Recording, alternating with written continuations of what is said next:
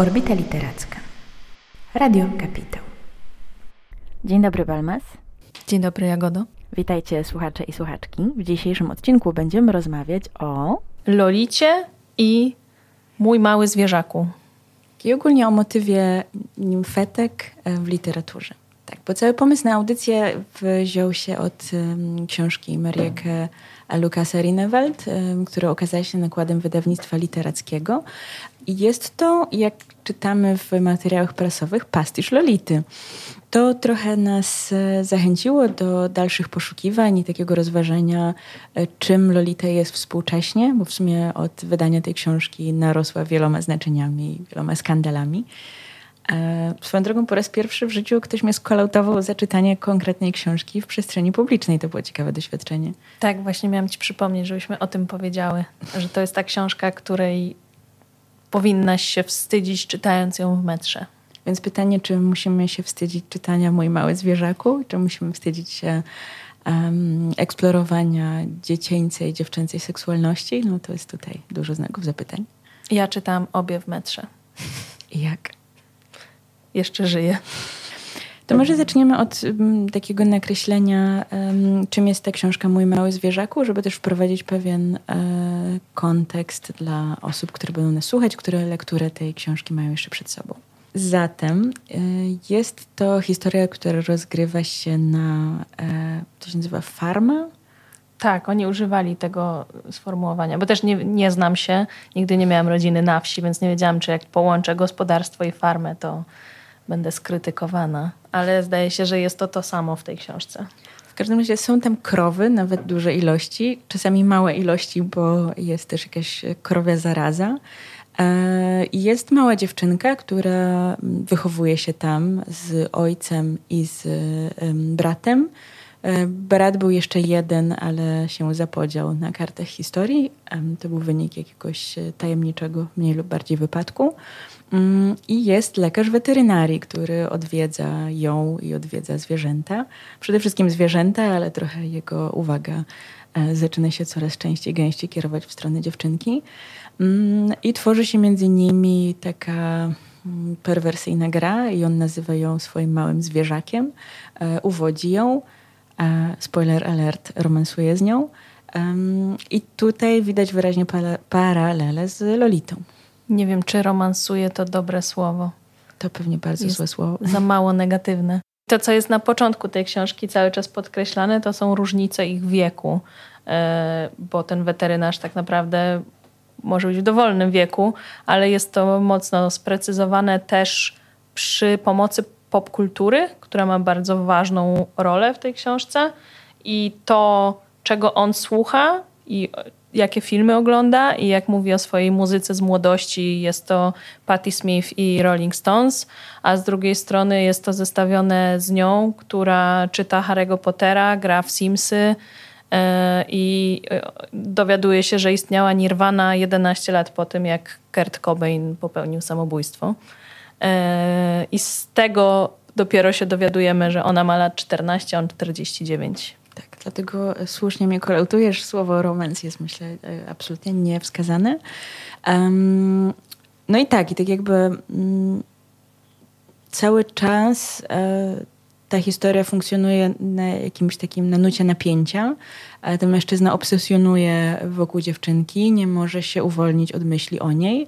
Um, I oni w pewnym momencie też e, się ten zwierzak, bo on nie posiada swojego imienia, to też jest ciekawe, nawiązuje relacje z synem weterynarza. I to jest też ciekawy wątek. Tak, i wtedy zaczyna się jego bardzo silna zazdrość, e, bo on bardzo chce ją posiadać w każdym znaczeniu tego słowa, a zwłaszcza chodzi mu o to, żeby być najważniejszą osobą w jej życiu, żeby myślała tylko i wyłącznie o nim. Tak, i bardzo mocno manipuluje ją jej emocjami i ona jako dziecko nie zdaje sobie sprawy, co tak naprawdę się dzieje i wchodzi tak bardzo naiwnie w to, to wszystko. No i tutaj znowu paralela z Lolitą. Jeszcze rozbudowując ten wstęp, przedstawmy, o czym jest Lolita. Tak, zwłaszcza, że zdaje się, że nikt jej nie czytał, nikt też nie oglądał filmu, ale wszystkim wydaje się, że wiedzą, o czym to jest. Tak, to prawda. To doświadczenie nas tego uczy. Lolita opowiada historię Humberta Humberta, który po rozwodzie ze swoją pierwszą żoną przylatuje do Stanów i tam e, wynajmuje pokój w domu e, u wdowy.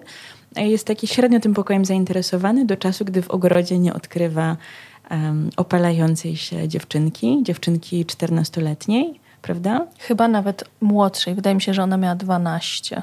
Ona chyba dochodzi dopiero do 14 tak, roku życia. Ona, on tam mhm. bardzo spe, sprecyzowany wiek podawał, że 12, ileś tam miesięcy, ileś tam dni, bo to było dla niego ważne, że ona ma datę ważności. Mhm. Że ona chyba 14 to dla niego już była górna granica, kiedy ona przestaje być nimfetką i przemienia się w człowieka, więc przestaje być interesująca. I e, decyduje się na to, na to miejsce zamieszkania i też zaczyna e, wyrastać w nim ta obsesja na punkcie dziecka.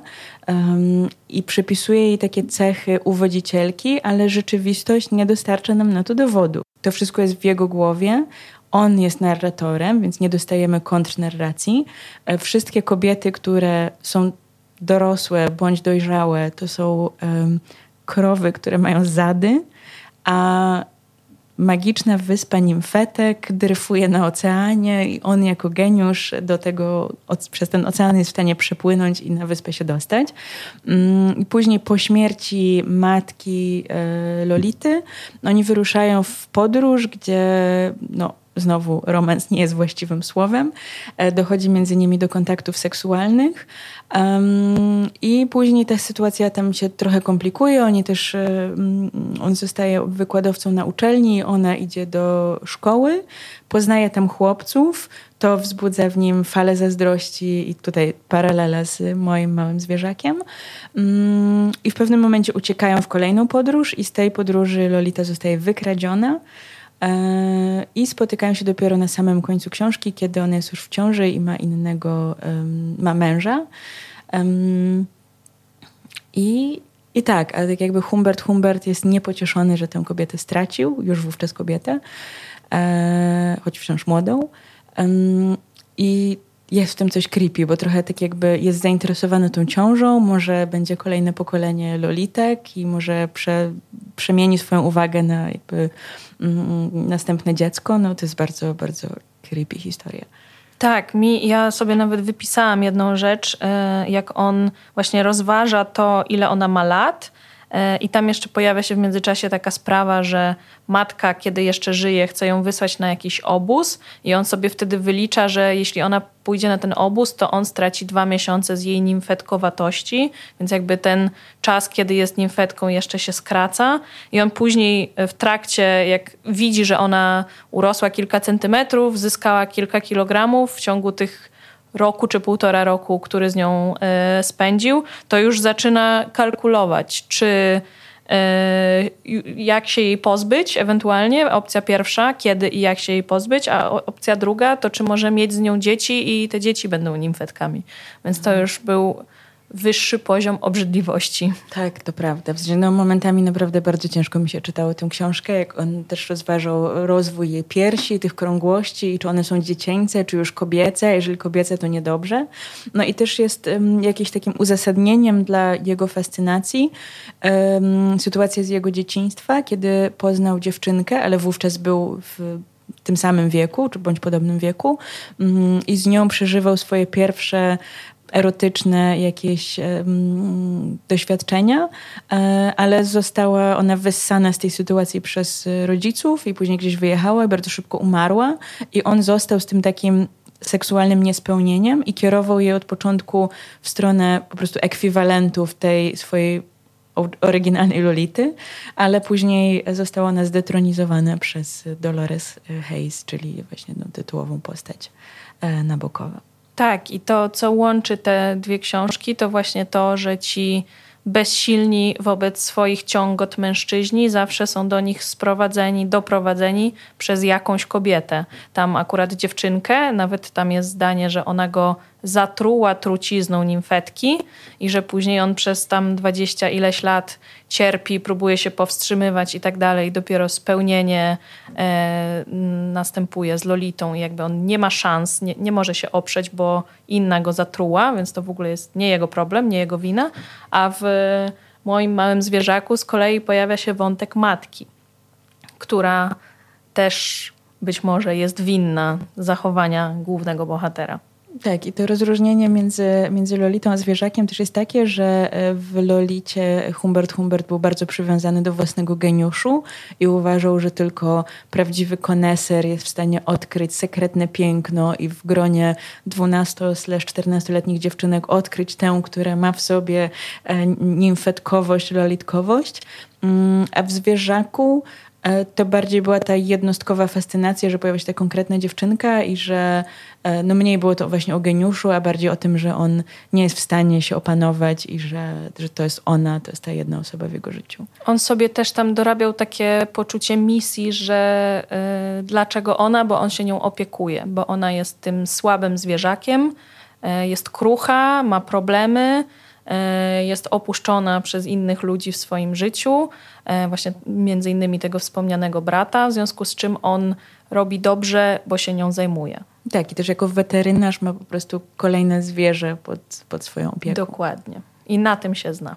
Mhm. Wczoraj jeszcze wieczorem przed naszym nagrywaniem audycji oglądałam film e, Kubricka z 62 roku mm, i on blisko bardzo jest scenariusza. Tam są pewne akcenty zmienione. Jest na przykład dużo mocniejszy wpływ tej postaci, która finalnie wyrywa Lolitę ze szponów e, Humberta, e, ale wciąż jest pokazana ta, ta obsesja erotyczna głównego bohatera i to, jak naprawdę on jest obleśną osobą. Wiem, że też były duże ograniczenia, jeżeli chodzi o cenzurę i tam na przykład nie ma w ogóle scen erotycznych, nawet jakiegoś pocałunku. Czy w ogóle to może przesada, bo jest scena, jak on maluje jej stopy lakierem do paznokci. To jest w ogóle scena otwierająca i to rzeczywiście no, fetyszyści stóp będą tą sceną zachwyceni, ale też no, wywołuje to w nas odpowiednie emocje. Um, no i myślę sobie, w jaki sposób też to się tłumaczy z książki na ekran, co możemy powiedzieć i też jak wygląda mm, kwestia narratora. No bo jak kiedy czytamy Lolitę, to ściśle jest to narracja Humberta Humberta. Czy on jest wiarygodnym narratorem, czy nie, no to, to zostaje trochę w ocenie nas jako czytelników i czytelniczek. Mm, a film trochę jednak to uniwersalizuje, no bo mamy pokazane różne postaci i trochę inaczej pośród nich się poruszamy. Tak, i w ogóle ja, ponieważ jak cokolwiek mam zrobić, to muszę się zdoktoryzować z tego tematu, więc y, przy Lolicie też się zdoktoryzowałam na YouTubie, ponieważ nie miałam czasu obejrzeć całego tego filmu. E, I wtedy się dowiedziałam, że jak zaczęła wychodzić Lolita, to jednym z jakby z tego to, czego chciał y, Nabokow, od, wymagał od wydawców, to żeby na okładce nie było żadnej postaci dziewczyny ani kobiety. E, I dopiero po tym filmie y, pojawił się ten obraz tej uwodzicielki w serduszkowych okularach. I wtedy jakby ta popkulturowa Lolita zaczęła tak mocno ewoluować w tą uwodzicielkę, a nie ofiarę. I to jest w ogóle bardzo ciekawe, bo Lolita w serduszkowych okularach nie pojawia się de facto w filmie. Ona w pierwszej scenie, gdzie jest w bikini, ma zupełnie inne ramki, ma taki futrzany kapelusik. Um, I wydaje mi się, że to jest też ingerencja e, osoby tworzącej plakat, która ma właśnie wywołać w nas odpowiednie emocje i tak jakby ona narzuca tę narrację i narzuca też interpretację, że to jest właśnie ta kokieterka. Mhm. No i wydaje mi się, że właśnie z tego wynika to, że jak czytałaś tą książkę publicznie, to kolega do ciebie podszedł i zapytał: Czytasz Lolitę? E, I musiałaś się z tego tłumaczyć, że właśnie przez tą uwodzicielkę nastoletnią e, jest e, to negatywne postrzeganie, bo w książce Humbert mówi o sobie praktycznie cały czas w sposób negatywny. Oprócz tego, że oczywiście on jest ofiarą tych nimfetek, ale one są nie ludźmi, nad ludźmi, więc nikt by się im nie oparł, ale on ma świadomość tego, że jest złym człowiekiem i cały czas też jakby jedzie po, po sobie samym. E, ma świadomość tego, co, co robi i że to jest złe. A mam, miałam wrażenie, że w ma moim małym zwierzaku było dużo więcej takiego usprawiedliwiania się przed sobą, że ten główny bohater e, Kurt dużo bardziej się usprawiedliwiał i że to była czyjaś wina albo jakiejś sytuacji wina e, albo tego, co go spotkało, a właśnie Humbert po prostu tak miał mhm. i był tego świadom, że to jest złe. No właśnie, bo Kurt trochę wyzyskiwał tę sytuację, że ojciec i brat są nieobecni i że często, kiedy ma już dojść między nimi do jakiegoś zbliżenia, dotknięcia, on wchodzi do jej sypialni, to oni są gdzieś z krowami, gdzieś na polu i ma totalnie sloty na to, żeby wykorzystywać tę ich nieobecność i mm, narzucać swoją obecność um, tej dziewczynce bezimiennej. Więc też no, przypisuje tej dziewczynce kruchość, doprowadza ją do sytuacji, które są stresujące, wtedy jest pocieszycielem. Kiedy zwierzak zrywa ze swoim chłopakiem slash jego synem, to też tak jakby one wypłakuje się w jego ramionach i że on będzie trochę, to jest w sumie grooming to, co on robi przez cały czas. I to jest też ciekawe, bo też jakby żona Kurta też uczestniczy w tym groomingu przez jakiś czas całkiem nieświadomie. Tak, i ona z kolei też jest e, później, kiedy się dowiaduje o całej sytuacji, e, wini ją, e, wini tą dziewczynkę i trochę ją też e, za to obciąża jakimiś. E, już nie pamiętam, co tam było, ale. E, że ona bardzo mocno ją odrzuca, wyzywa ją od zdzir, także przy niej tak, i ona się na niej tam odgrywała w ogóle, że coś z pracą domową, że, bo ona chyba była nauczycielką też. Tak, była nauczycielką. E, I pomagała jej w jakiejś tam kryzysowej sytuacji, kiedy przez chwilę się nią mm, musiała zajmować. Pomagała jej w odrabianiu pracy domowej, równocześnie krytykując ją za każde słowo i tłumacząc, jaka to jest bezwartościowa, jakie to jest bez sensu i że nie, nie może tak pisać, nie może tak myśleć, nie może taka być. Bardzo dorosłe i bardzo odpowiedzialne zachowanie. Dokładnie. nauczycielkę. E, tak, i że mm, cieniem w ogóle na całą tę społeczność rzuciła się ta e, pryszczyca, czyli ta choroba krów. I to jest ciekawe, bo ta osoba autorska z Holandii już drugą powieść poświęca krowom i temu, że jest zaraza i krowy umierają, że to jest jakiś taki motyw. Wiem, że ciebie to trochę zirytowało, co? Nie tyle zirytowało, ale po prostu ponieważ niepokój przychodzi o zmierzchu, mhm, taki tak. był polski tytuł, e, czytałam wcale nie tak dawno, to miałam trochę wrażenie, że nic nowego nie zostało mi powiedziane, że bardzo dużo motywów się powtarza. Mi ten sztafaż nie przeszkadzał na tyle. Miałam też dłuższą przerwę od ciebie, rzeczywiście. Natomiast y, czułem, że to ma sens w tym kontekście, że ta klaustrofobia te krowy, bliskość zwierząt i to, że usiłujemy z nimi budować relacje, ale te relacje jakoś tak są na ich zasadach, a nie na naszych i że nie możemy się z nimi skomunikować. To, jak to się przekłada na tego weterynarza, który też narzuca pewną formę komunikacji, które się nie sprawdzają. Mm, wydaje mi się, że to oczywiście, że to było wygodne, skoro też ta osoba autorska wychowywała się na farmie mhm. i też I chyba, dalej, dalej pracuje przy krowach, tak, prawda? Dokładnie. Mm, ale no, mam nadzieję, że kolejna książka nie będzie o krowach i farmie a jeżeli będzie... I niech nie będzie też o y, małej dziewczynce jej y, zmarłym starszym bracie, bo to również jest kolejny identyczny wątek. To prawda. Ja rozumiem te krowy też, y, z czego się wzięły, oprócz tego, że Rinewelt przebywa wśród krów i na tym się zna. E, że celem tych krów też miało być stworzenie tego pastiszu właśnie Lolity, że w Lolicie mamy tego Humberta, który przyjechał y, do Stanów z Paryża i na tym już buduje swoją jakąś elitarność, prestiżowość i jest lepszy od tych wszystkich Amerykanów, na których patrzy z góry. Z drugiej strony jest też pisarzem, e, cytuje jakichś klasyków i e, mówi po francusku, kiedy ma taką potrzebę. A tutaj mamy e, krowy i wkładanie im rąk tam, gdzie trzeba. Ale też uświadomiłam sobie, że um, coś, co bardzo mnie irytowało też w Lolicie, to nazywanie krowami tych dojrzałych kobiet. Tak, ja sobie to nawet wracają. wypisałam sobie to, że to, czy, czy to jest taki yy, właśnie skinienie w, w, tą stronę. Ale wczoraj jak oglądałam tego Kubricka, to tam e, w pewnym pomieszczeniu była nagle e, wydra i mam takie, wow, wydra, ona przecież jest w moim zwierzaku, iż to na pewno jest to połączenie. Hmm, to chyba w książce nie było wydry, albo nie zwróciłam uwagi. A czemu wycinali penisa? Nie, w sensie w Lolicie. A w Lolicie chyba nie. Nie, bo to był taki artefakt po prostu w posiadłości i ona sobie tak... No właśnie, bo padło słowo penis i myślę, że musimy się na tych penisach trochę e, dłużej skupić. Dajesz. Otóż... Um, Kurt, czyli bohater y, Mój Mały Zwierzaku, zaszczepia w dziewczynce Um, jakie jest prawidłowe określenie na to? Falo... Falofilii? Ja napisałam obsesja faliczna. Obsesję faliczną. Um, I zaczyna um, prezentować jej zwierzęce fallusy, przedstawiać jej ciekawostki o tym, które zwierzę ma ogromnego kutasa. E, proponuje jej na pewnym etapie wycieczkę na Islandię do Muzeum Fallusów.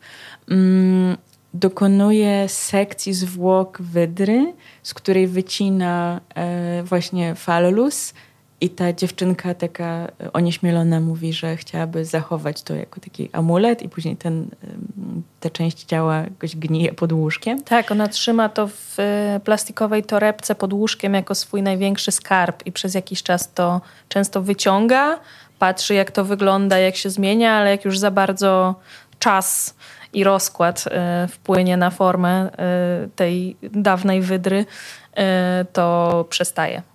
I też w pewnym momencie pojawia się określenie poroże i to też um, to jest, staje się takim nickname'em na właśnie przyrodzenia, męskie przyrodzenia. Um, I cała ta gra moim zdaniem miała na celu um, rozbudzenie fascynacji przede wszystkim porożem głównego bohatera i takim podprowadzeniem dziewczynkę w coraz większym fascynowaniu się, fascynowaniu, fascynowaniu, aż w końcu ona będzie chciała zobaczyć coś, czym się nie tylko sika, ale to niespodzianka, co jeszcze się z tym robi.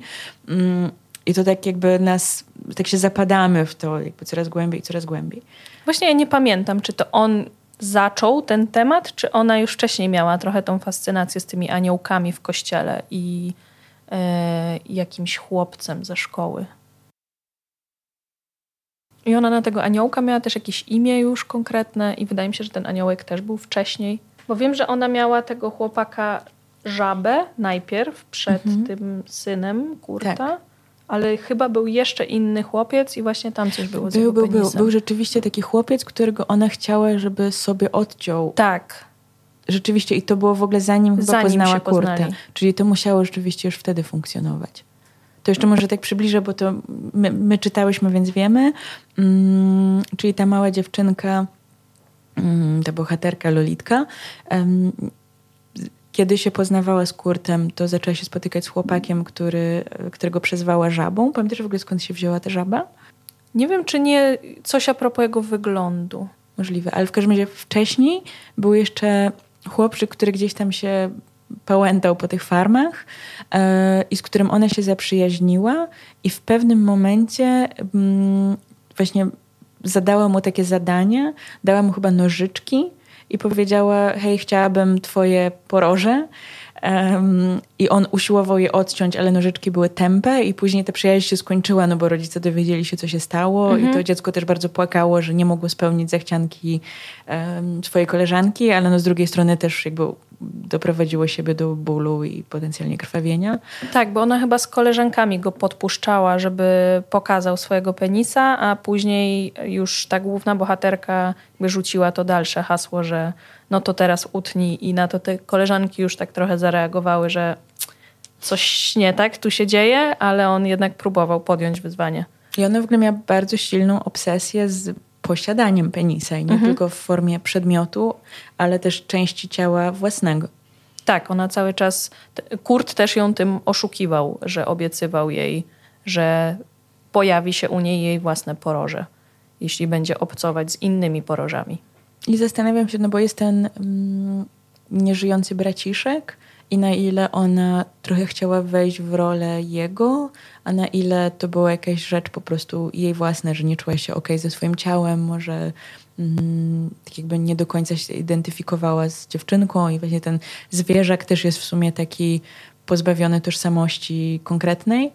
Mm. Zwłaszcza, że później pojawia się więcej wątków o tym, jak ona nienawidzi swojego ciała i próbuje je przez zaburzenia odżywiania w jakiś sposób kontrolować, ale też jak bardzo się wstydzi, kiedy pojawia się u niej okres e, i też jest wytłumaczone, że nie ma matki w jej życiu, więc nikt jej tego nie wytłumaczył, nikt ją przez to nie przeprowadził i tylko wszystkie sytuacje, kiedy ten okres się pojawia, e, wiążą się ze wstydem. No i też to jej ciało w momencie, w którym się zmienia i rozwija i ona nie do końca może nadążać za tymi zmianami, jest natychmiast y, seksualizowane przez chłopców, przez społeczeństwo. Jak jakby mm, no w momencie, w którym się ktoś dowiaduje o tym, że mm, no miała jakąś interakcję z chłopcami, to ona natychmiast zostaje o to obwiniona. Nie tak, że um, to oni zrobili jej krzywdę, ale że to ona jest tą nie wiem, zdzirą, tak? Czy... Tak, no to ojciec też ją mocno obwinia o wszystko, co dotyczy kogokolwiek, obwinia ją. Obwinia ją o to, że to, co się wydarzyło z Kurtem, to jest jej wina, bo ona go prowokowała i jeszcze tam mocno wtedy pojawia się też religia, że już zabrania jej przychodzić do kościoła, czy tam do zboru, nie pamiętam jak, jak mhm. było. E, I druga rzecz to jak jej brat z kolei też zaczyna chudnąć, a ona była pierwsza, to też e, ojciec wtedy przychodzi z pretensją, że to jest twoja wina, bo ty go zainspirowałaś, ty byłaś pierwsza i tak. zrób coś z tym. No i bardzo dużo jest tam presji na, na niej, a w sumie no, ona jest najmłodsza i tak jakby potencjalnie potrzebuje najwięcej wsparcia, jakiegoś takich, nie wiem, wskazówek do tego, jak, jak się rozwijać i też to, że to jest okej, okay, co się z nią dzieje i że ma ten margines błędu. Natomiast mam wrażenie, że wszyscy mogą sobie pozwolić na błędy, tylko nie ona. Tak, i ona też y, bardzo mocno szukała w ogóle figury matki, y, między innymi w królowej, y, którą miała na plakatach, y, ale też w tej y, żonie czy partnerce y, Kurta. Tak, i tym dotkliwsze było to odrzucenie w momencie, w którym żona dowiaduje się o tym, że najpierw, że mąż ma obsesję, a dwa, że tę obsesję skonsumował. Mm, I wtedy zostaje odcięta od tego jedynego źródła kobiecego wsparcia, jakie w ogóle funkcjonuje tak jakby w jej otoczeniu. Dokładnie. Zrymowała mi się z lekturą Lolity i Zwierzaka też książka Dziewczyństwo e, Melisy Febos, która okazała się nakładem wydawnictwa mm, Czarny w przekładzie Martyny Tomczak. Właśnie nie powiedzieliśmy chyba o przekładach, że Zwierzak to jest e, Jerzy Koch, a Lolitę czytałyśmy w tłumaczeniu e, Michała Kłobukowskiego. Tak, ja tak samo. Swoją drogą nie pozdrawiamy Michała Kłobukowskiego za pokój życia. I za Gina Nasa. Living Room. Rozumiem, że ma swoją użyteczność w momencie śmierci kobiety, gdy bohater wbiega do pokoju życia, a kobieta jest martwa, ale no wciąż to bardzo mnie jakoś wysysało emocjonalnie z tej sytuacji. Tak, a ulubiony drink Humberta, który po angielsku brzmi PIN i jest to y, Pineapple Gin, też brzmi mniej memicznie niż Ginanas pisany przez G. Ale dzięki temu, że jest nazwane ginanasem, to teraz mam obsesję picia ginów z ananasem, więc może... Warszawskie lokale zyskują. Wracając do Melisy Febos, um, to jest książka, która zaciekawiła mnie o tyle, że um, porusza się w tej przestrzeni e, tekstów, esejów feministycznych, ale jako jedna z niewielu, przynajmniej bez moich doświadczeń, dotyka e, strefy mm, bycia dzieckiem i rozbudzania się tej seksualności. Ona opowiada o swoich doświadczeniach w taki już bardzo świadomy sposób post factum. I tutaj zaznaczyłam sobie fragment, który tak idealnie mi mm, pasował do Lolity. Ona dużo szybciej się rozwinęła, jeżeli chodzi o ciało, jakieś krągłości od pozostałych dziewczynek e, i nastąpił binarny podział. Koleżanki jej nienawidziły, chłopcy chcieli się o nią ocierać i jakby ani jedna, ani druga opcja jej nie satysfakcjonowała, czuła się zagubiona, potrzebowała wsparcia, potrzebowała kolegów i koleżanek i jakby nie miała tego ani z jednej, ani z drugiej strony. Natomiast um, pisze też, moje własne ciało od dłuższego czasu przysparzało mi wielu problemów. Czemu więc nie miałabym zwracać się ku spojrzeniom, w których czułam się piękna? Nie zdawałam sobie wtedy jeszcze sprawy, jak ulotne jest to uczucie. Tego rodzaju dewaluujące spojrzenie na samego siebie wiąże się z alienowaniem się od własnego ciała, przez co przygotowuje się grunt pod postrzeganie ciała w sposób przedmiotowy. Błędne koło alienacji i wstydu się zamyka. Ciało jako obiekt dominuje nad ciałem przeżywanym. Pisze Fuchs, potem cytuję. E, jedynym, co wiedziałam o sobie na pewno, było to, że wzbudzam pożądanie. Widziałam je błyszczące w oczach chłopców pod domem Kimi. Odbicie, w którym dostrzec można było inne piętno. Przynajmniej zdawało mi się inne, a ja chciałam czuć się wyjątkowa. I myślę sobie o tych lolitkach, które nie są uwodzicielkami, ale które wchodzą w tę grę z dorosłym mężczyzną i być może czerpią z niego jakieś poczucie wyjątkowości, jakieś poczucie akceptacji, Um, i że tak jakby nie odrzucą tych zalotów, bo są być może zainteresowane, być może otwiera się przed nimi droga kobiecości, mają jakieś wzorce innych kobiet, które też są adorowane i one też chcą się poczuć w ten sposób albo chcą przetestować to. Mm, I trochę otwierają drzwi dla predatora, który wyzyskuje to w tak po prostu cyniczny i, i drapieżny sposób. No tutaj w obu tych książkach mamy całość z perspektywy tego mężczyzny, więc nie mamy pojęcia, co myślą te dziewczynki i jakie są ich motywacje. E, natomiast e, nie wiemy też, czy to ma jakąkolwiek, jakikolwiek związek z cielesnością, czy po prostu, ponieważ są dziećmi, to lubią, jak ktoś zwraca na nie uwagę w ogóle. Tak, że tak jakby nie, niekoniecznie to, to musi być o samym seksie, ale bardziej o tym, że ktoś na mnie spojrzy, ktoś powie, że nie wiem, jestem na tyle interesująca, że ze mną porozmawia, jakiś bardziej, bardziej w takich rejestrach. Mhm. Zwłaszcza ta bohaterka y, zwierzaka miała taką obsesję y, relacji z ludźmi, że ona strasznie się bała tego, że zostanie ponownie opuszczona, że ktoś z jej życia odejdzie. Przez to też ten e, Kurt mógł ją bardziej manipulować, e, bo wiedział na jaki odcisk jej nadepnąć, żeby się bała, że ją zostawi, ale ona się bała nawet, kiedy zdjęli jej aparat y, ortodontyczny, że nie będzie miała do czynienia e, z dentystą, którego wcale nie lubiła, ale to była kolejna osoba, która znikała z jej życia. Mhm. Więc po prostu ważne było dla niej to, żeby ktokolwiek się nią interesował i chciał z nią spędzać czas. I ona miała też taką wizję, w sumie zastanawiałam się, czy to jest związane z tą jej potrzebą innych ludzi. Ona strasznie chciała być sławna mhm. i chciała być piosenkarką i być w centrum uwagi. I czy to też miało być dlatego, żeby ludzie chcieli na nią patrzeć, chcieli mieć z nią coś wspólnego i jej nie opuścili, żeby mieć dużo ludzi w swoim życiu? Jest jeszcze wątek jej matki, która też jest w poczcie osób, które ją opuściły i ona przeniosła się gdzieś do, na północ Norwegii, ale właściwie to nie wiadomo. Ja I... właśnie nie wiem, czy ona się przeniosła na północ Norwegii, czy tylko ten Kurt jej tak powiedział i jej obiecywał tą wycieczkę. Mm, to też może być prawdą. W każdym razie no, to, co jest pewne, to to, że tej matki nie ma i że nikt nie wie, gdzie jest.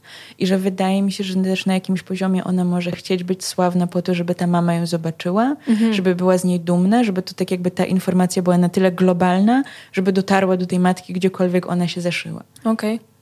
Ma to sens. Ale jeszcze wracając do tego, co powiedziałaś, bo to mi się też wydaje istotne, ta kwestia podmiotowości tych postaci, bo w Lolicie ten niewiarygodny narrator, który opowiada o tych wyspach nimfetek i tak dalej, i tak zostawia nam malutkie szczeliny, w których widać reakcję Lolity na to, co on jej robi. I jest tak, że na przykład uprawiają seks i ona płacze i on to ignoruje, jakby zostawia ją gdzieś leżącą albo mówi, no dobra, musi się wypłakać, elo. Ale też jest sytuacja, w której wprowadza cennik usług seksualnych i za konkretne jakieś działania, które Lolita wykonuje, płaci jej pieniądze, ale kiedy odkrywa, że ona zbiera oszczędności po to, żeby od niego uciec, to stwierdza, dobra, muszę jej obniżyć te, to kieszonkowe, bo uzbiera tych pieniędzy za dużo i ucieknie. Czyli no, z jednej strony jest, och jak wspaniale, wielbiona, cudowna, Humbert jest jedynym koneserem, który w stanie ją docenić, ale z drugiej strony ktoś po prostu bardzo, mm, jak to się mówi, że to jest takie dramatyczna, dramatyczna w niej potrzeba ucieczki i że stara się po prostu uciłać te pieniądze i jakby się wyzwolić spod jego władzy. Mhm. Że to widać, że, że ta potrzeba jest bardzo silna i że też oni się kłócą o to i on zabiera te oszczędności, i one też dramatyzuje. Mm, no i koniec końców się wyzwala też jakby no, do kolejnego predatora, ale to ona inicjuje to przechwycenie przez drugiego mężczyznę a kiwasz głową, tego nie widzicie osoby słuchające. Um, więc dziękuję za potwierdzenie. Natomiast jeszcze myślę o y, małym zwierzaku e, i tam to ty zwróciłaś mi uwagę na to tuż przed naszym e, rozpoczęciem nagrywania, e, jak ona sobie uświadamia że coś jest nie tak. Że coś jest nie tak. Tak, bo, bo w Lolicie nie ma tego tak wprost powiedzianego, czy Lolita wie, że ich relacje są dobre czy złe. Bardziej jest w stronę tego, że raczej wie, e, że wie, że nie należy powiedzieć mm, policjantowi, bo, bo to jest coś, o czym się nie mówi. I też to ty z kolei powiedziałaś, że e, nie powie też później swojemu mężowi o tym, co się działo, kiedy byłam młoda. Tak, bo tak on zastrasza ją cały czas, że jeżeli powiesz policji, no to okej, okay, wyrwiesz się ode mnie, ale pójdziesz do jakiegoś ośrodka pomocy społecznej albo do poprawczaka i że w sumie będziesz miała gorzej niż ze mną. Dokładnie, więc jakby trzyma ją przy sobie pieniędzmi i szantażem. E, Kurt zwierzaka też trzyma szantażem z kolei groźbą samotności, że znowu zostaniesz sama i nikt się tobą nie będzie interesował. E, ale też e, bohaterka zwierzaka nie ma pojęcia, że ich relacja jest w ogóle czymś złym. I dopiero w momencie, kiedy zaczyna o tym komuś opowiadać, najpierw mówi matce koleżanki, później ojcu, w międzyczasie dowiaduje się jej brat, to z reakcji osób trzecich dowiaduje się, że to nie jest tak, że każde relacje seksualne są równe i to, że jej się wydaje, że y, inna, jeżeli rówieśnicy w szkole też to robią, to, to jest coś innego niż to, co ją spotkało. I dopiero po tych reakcjach osób trzecich zaczyna sobie uświadamiać, że ona jest ofiarą czegoś, co nie powinno się wydarzyć. Tak, i to jest dla mnie też taki bardzo mocny moment, tak, że jak można funkcjonować w jakiejś rzeczywistości i wydaje ci się, że wszyscy dookoła mają tak samo i nawet jeżeli czujesz się z tym nie okej, okay, to zaciśniesz zęby, bo to wydaje ci się normą, a chcesz być normalna, tak, chcesz być akceptowana i jakby dążysz do tego ze wszelką, ze wszelką cenę. Dokładnie.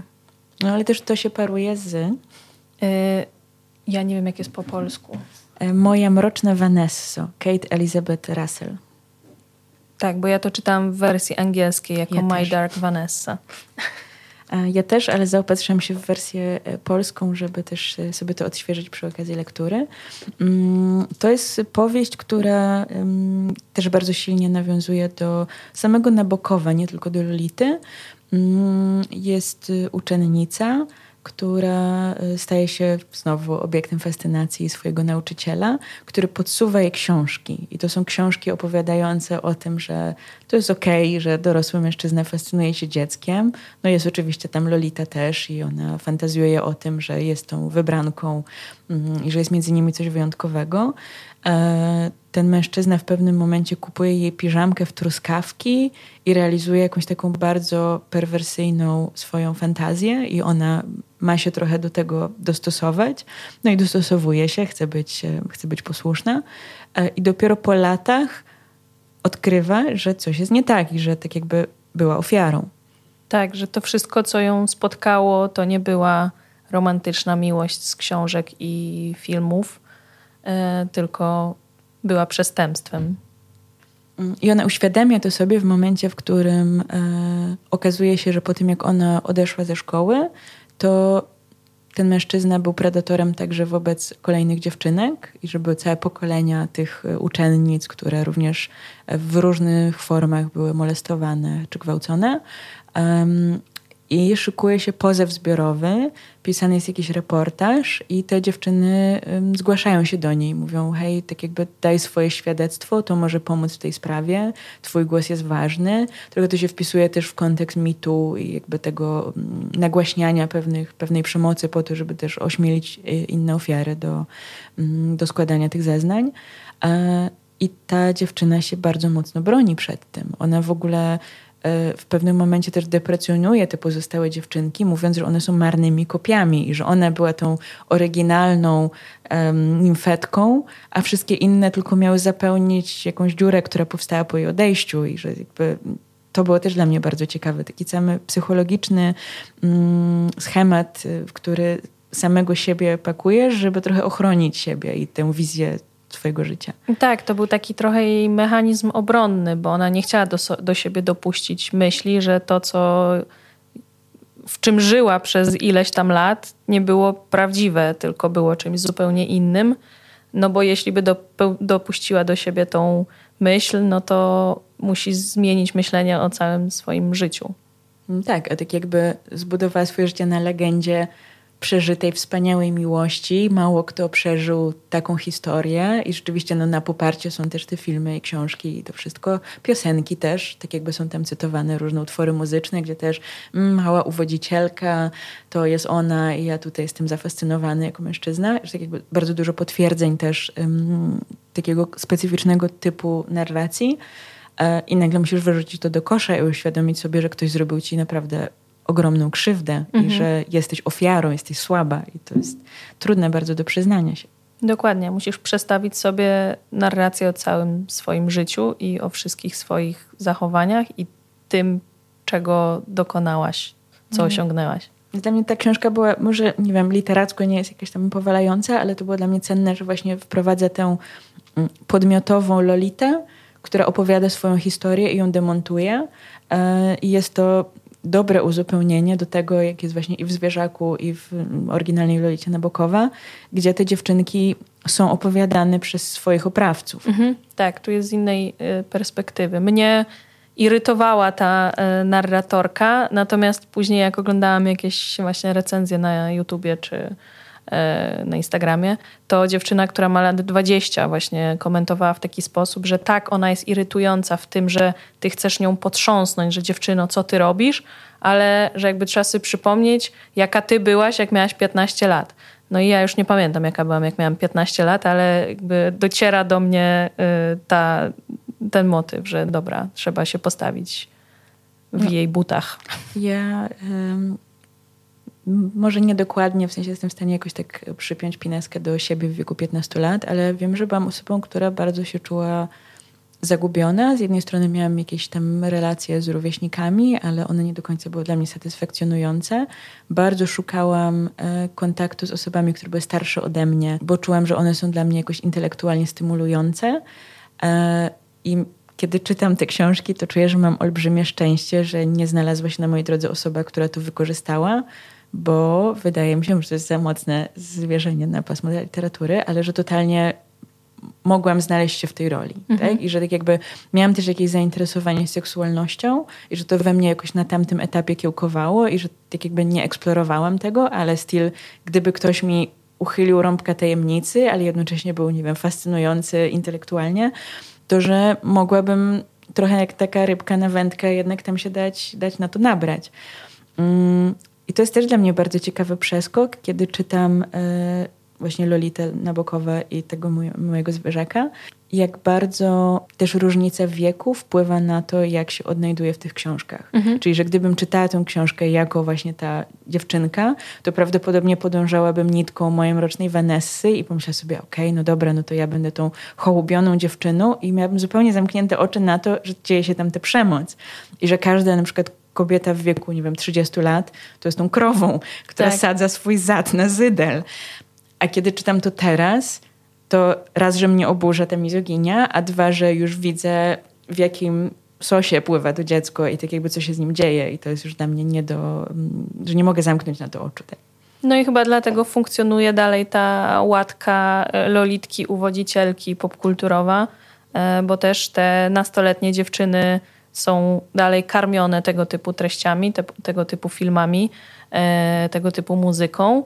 E, tworzą sobie playlisty, jest pierwsza wyskakuje, wyskakuje na Spotify'u playlista Lolita Aesthetic e, i można sobie zobaczyć, jakie tam są utwory, które pasują do wszystkich hashtagów typu sad girl i that girl. E, I one właśnie wtedy się utożsamiają z tą nastoletnią Lolitką i chcą być takie jak ona. I chcą być właśnie tymi nieco niewinnymi, ale jednak uwodzicielkami, które chcą być, żeby ktoś je posiadł. Tak, że są tajemnicze, są fascynujące, są na piedestale i są na tym etapie, w którym dopiero pewne rzeczy starają się zrozumieć, więc kiedy przyjdzie ktoś i to wytłumaczy, ale powie też, że ty jesteś ta wyjątkowa i wspaniała, no to będzie ci znośniej ze swoim ciałem i twoje piersi czy pączkują mniej czy bardziej są nagle najwspanialszymi piersiami, bo jest ktoś, kto ma obsesję na ich punkcie.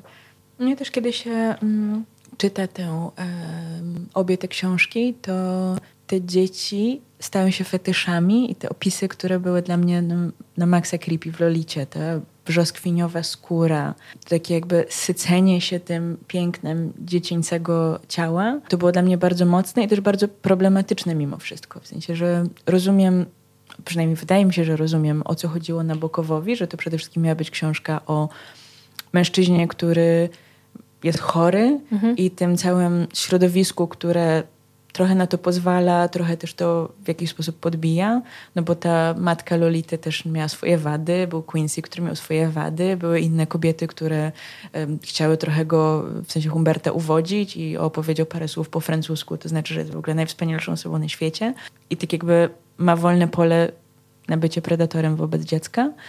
Ale wciąż jednak, kiedy czytałam te opisy, jak nie wiem, e, jadła owoc i sok spływał po jej skórze, to wszystko było bardzo zmysłowe, bardzo seksowne i takie no, pobudzające mimo wszystko. Także nawet kiedy czytałam to z tym filtrem, to wciąż czułam się jakoś tak zainteresowana tą sferą estetycznie seksualną. Mhm.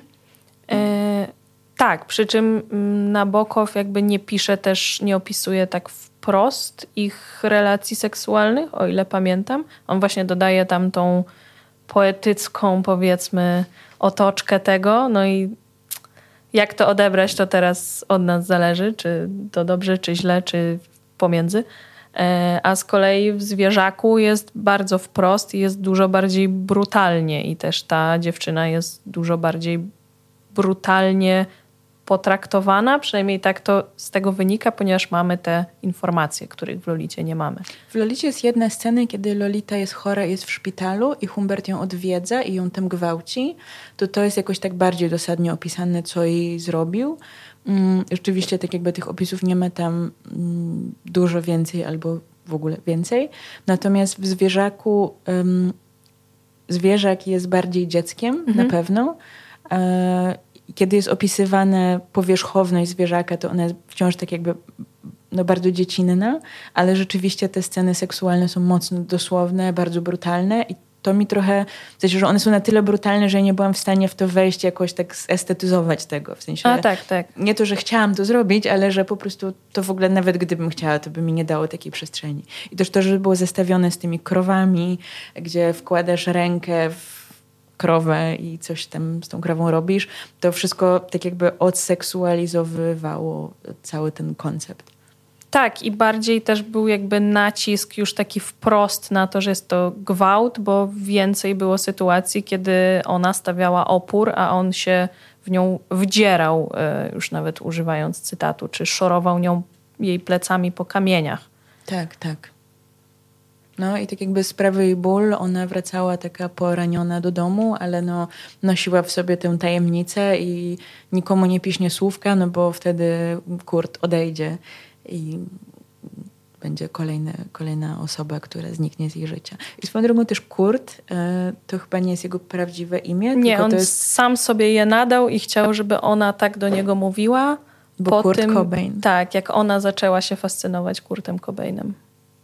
Tak, i czyli tak jakby pozycjonuje siebie jako kolejnego idola, idola w tak. poczcie nastolatki. Um, I też jeszcze jedna rzecz bardzo creepy, kiedy on w samochodzie stworzył e, ekwiwalent dziecięcego pokoiku, mhm. bo tam wrzucił materac dmuchany yy, i wkleił plakaty z postaciami, które... Dla niej są ważne. Tak. Jak... Starał się jej stworzyć bezpieczną przestrzeń, jakkolwiek by to brzmiało. Mhm.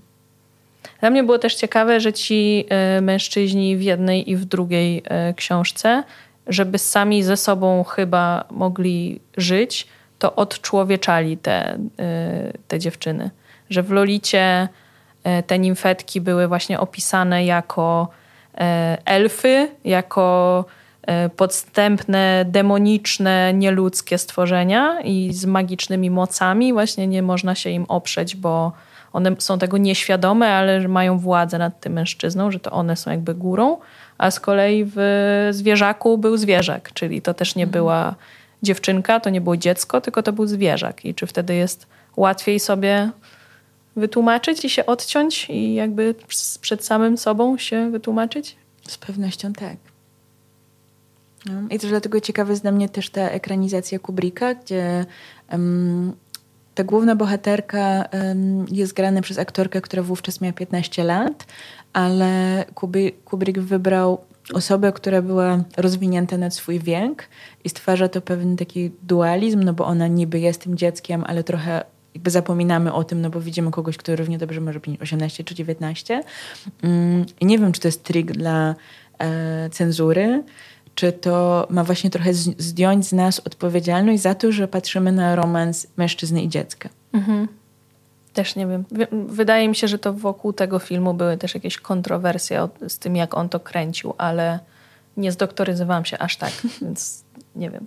Dla mnie problemem było to, że, że ona była rzeczywiście atrakcyjna i bardzo już taka kobieca, to była młoda kobietka. I gdybym ja nie czytała Lolity książki, to miałabym poczucie, że to właśnie jest taka nie, że uwodzicielka, no bo ona tak aż aktywnie nie zabiegała o to, ale że powiedzmy była bardziej partnerką dla niego. Mhm. E, I później w drugiej połowie filmu, kiedy jest ten motyw ucieczki zaaranżowany z tym innym mężczyzną, to też jakby ona jest, nie wiem, mastermindem tej sytuacji. Jest bardzo mało o tym, że jest ofiarą, a jednak no, nie da się mówić o równości, jeżeli to jest dziecko 12-14-letnie, czy 15-letnie, jak jakby oryginalnie wiek aktorki, a 40-40 paroletnim mężczyzną. I to myślę, że to jest takie przeoczenie, które jest bardzo mm, niebezpieczne. Tak, i chyba w ogóle z tego filmu y, później się wykształcił ten popkulturowa, ta figura takiej nimfetki femme fatale, która jest właśnie tym mrocznym mastermindem za jakąś y, zbrodnią. W latach 90. było bardzo dużo takich erotycznych thrillerów, gdzie ten biedny 30 czy 40-letni mężczyzna był uwodzony przez nastolatkę i później kogoś mordował. Działy się dziwne rzeczy i zawsze to była wina tej nastolatki, która była przecież taką miała władzę nad nim, że on nie mógł się powstrzymać i nie zamordować człowieka. Tylko żałuję, że żaden z nas nie widział tego filmu z lat 90., no bo jest jeszcze, jeszcze jeden obraz e, kinowy. E, I tam widziałam screeny albo gify, które ukazują tę główną bohaterkę w przezroczystej sukience i zraszaczach. Jest taka mhm. bardzo wilgotna i bardzo uwodzicielska. E, no i to jest problematyczne, tak? bo to dostarcza właśnie tej emocji widzom i tego podniecenia, bo jakby trudno jest to jakoś odciąć się od tego emocjonalnie, że widzimy dziewczyny w wilgotnej, przezroczystej sukience na trawie. No tak, i jeszcze bardziej przesuwa to nacisk na nią jako uwodzicielkę, jako sprawczynię całej tej sytuacji, a odciąga od niego jako predatora, jako tego drapieżnika. Dla mnie jeszcze był ciekawy ten wątek, co tam w zakończeniu Lolity było, y, ta jego historia o tym, jak wydawał tą książkę. Ja zadałam sobie takie pytanie, czy powodem tej książki jest beka z tabu i taka celowa chęć zaszokowania tym tabu, bo on tam mówił, że powodem odrzucenia książki nie było moje ujęcie tematu, lecz sam temat, bla, bla, bla. I te dwa pozostałe tematy, które były tak samo zakazane, to było to małżeństwo, w którym yy, dochodzi do pomieszania rasy białej z czarną i jest zakończone szczęściem, a drugie to było o Ateistę. ateiście, który wiedzie szczęśliwy żywot. E, więc czy celem jego było właśnie takie zaszokowanie i strollowanie? Bo on ma w sobie taki aspekt trola. Ma, rzeczywiście. I też pytanie, czy Marieke Lucas Rineveld y, też, e, że tak jakby, czy intencją było również szokowanie? No tutaj były inne elementy szokowania, bo po pierwsze był właśnie bardziej ten brutalny seks, którego E, w Lolicie nie było, bo nie mogło być, bo nie zostałoby wydane, a w dzisiejszych latach już nie mamy takiej cenzury. No i e, były te zwierzęta, te choroby i to było też bardzo dosłowne, bardzo takie odtrzewi. Tak, no i y, Hitler się pojawia też, na przykład mój ulubiony zabieg szokowania, bo najłatwiejszy. Zawsze warto wrzucić Hitlera. Hitler i Freud to przyjaciele zwierzaka. E, z którymi konwersuję, z którymi się konsultuję. I też to jest bardzo taka zamknięta przestrzeń, w których ona realizuje swoją jakąś wrażliwość, ale do której nie dopuszcza innych ludzi, ale jednocześnie oni są ekwiwalentami tych innych ludzi. I ona mówi Hitlerowi, że nie, jesteś, jesteś niedobry, bo zrobiłeś zagładę. Też nie, nie do końca umiem sobie to ułożyć w głowie. Jest to na pewno ciekawe, ale też pytanie, czemu to służy w kontekście całej tej historii. Nie wiem. Mam wiele takich pytań. Mi się ta książka podobała, by the way. Mi się nie, nie podobała. Powiedziałeś, że podobałaby ci się, gdybyś nie czytała Niepokój przychodzi Tak, tak mi się wydaje, że wtedy bym miała... Czymś by mnie zaskoczyła i byłabym po raz pierwszy wrzucona w ten świat tej małej dziewczynki na farmie, w tym tych naturalistycznych opisów i tej śmierci i tej traumy po śmierci. A ponieważ już to przeżyłam na prawie takiej samej holenderskiej farmie półtora roku wcześniej, to nie było efektu. Mhm. Mnie ta książka że tak pozwoliłam sobie na zanurzenie w niej. E, lubię takie mroczne opowieści, lubię nieoczywiste perspektywy i to, że to dziecko, które ma obsesję feliczną, to, że no właśnie są pokazane te zwierzęta, takie odtrzewi, te wszystkie choroby i tak dalej, tak dalej, to było dla mnie też wizualnie jakoś tak e, e, przyciągające, bo jakoś tak w swojej głowie to, mm, to zamieniałam w obrazy. Podobała mi się ta nostalgia, e, na którą też zwróciłaś uwagę, może niekoniecznie oceniła się pozytywnie, ale trochę wydaje mi się, że to pozwoliło nadać podmiotowość tej bohaterce e, i stworzyć ten kontrast między, między mężczyzną a dzieckiem. I że to było dla mnie bardzo uzasadnione, że tworzy się jakiś taki, taka rzeczywistość, w których każdy z nich jest zanurzony i jak bardzo nieprzystawalne do siebie są to przestrzenie. I że to jest bardzo taka misterna konstrukcja, która pokazuje dokładnie punkt po punkcie mnie fascynuje to, to możesz mi pokazać, ale to jest moje i ty już tego nie zrozumiesz i to będzie też cię frustrowało i tym bardziej łapczywie ten mężczyzna stara się dodrapać do tej dziewczynki, bo też ona jest jakimś łącznikiem z tym całym światem, który reprezentuje. I że to było na przykład dla mnie bardzo interesujące.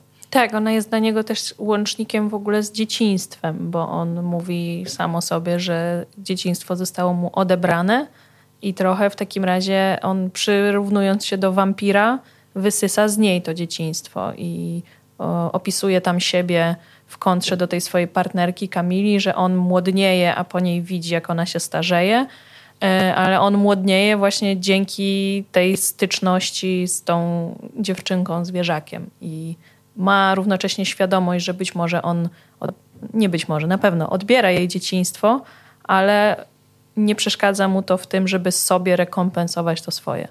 Tak, i co ciekawe, no ma synów, którzy są w podobnym wieku, ale pomija ich i tak jakby nie tworzy z nimi jakiejś bliższej relacji. Właściwie większy stosunek emocjonalny do nich ma w momencie, w którym jeden z nich randkuje z tą dziewczynką. Tam w ogóle jest zdanie wprost w którymś momencie, że dla niego ta rodzina była przykrywką, żeby mm. mógł funkcjonować w społeczeństwie ze swoimi ciągotami. Mm. Tego chyba jeździ też na jakieś baseny oglądać dzieci, coś takiego? Było tam, że wcześniej jakby nie podjął takich kroków jak teraz, nie, nie zareagował, ale że od zawsze się działo to w nim. Mhm. To jeszcze małe cytaty. Ja zaznaczyłam sobie dużo fragmentów i teraz otworzyłam książkę na przypadkowej stronie i to mnie też tak um, uderzyło.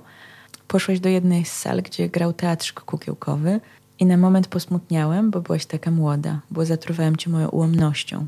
Ale kiedy piliśmy kole w foje, wszystkie wątpliwości zniknęły. W całym teatrze ty byłaś najpiękniejsza. No.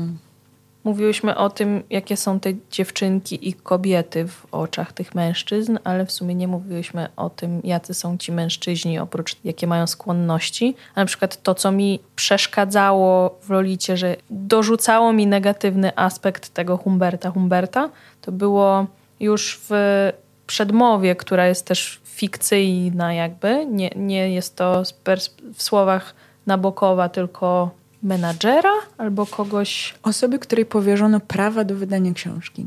Dokładnie. I on opisuje tego Humberta, zanim czytelnik go pozna, jako takiego niby okropnego i nikczemnego, ale od razu jest też dodane, że jest takim udręczonym, męskim mężczyzną z drapieżnością i żartobliwością. Tam jest e, ten gorszy jeszcze fragment, który mi bardzo narzucił w ogóle interpretację tej książki. W Ameryce co najmniej 12% dorosłych mężczyzn, jest to i tak ocena ostrożna, rokrocznie w ten lub inny sposób delektuje się osobliwymi doznaniami, które Humbert opisuje z taką rozpaczą.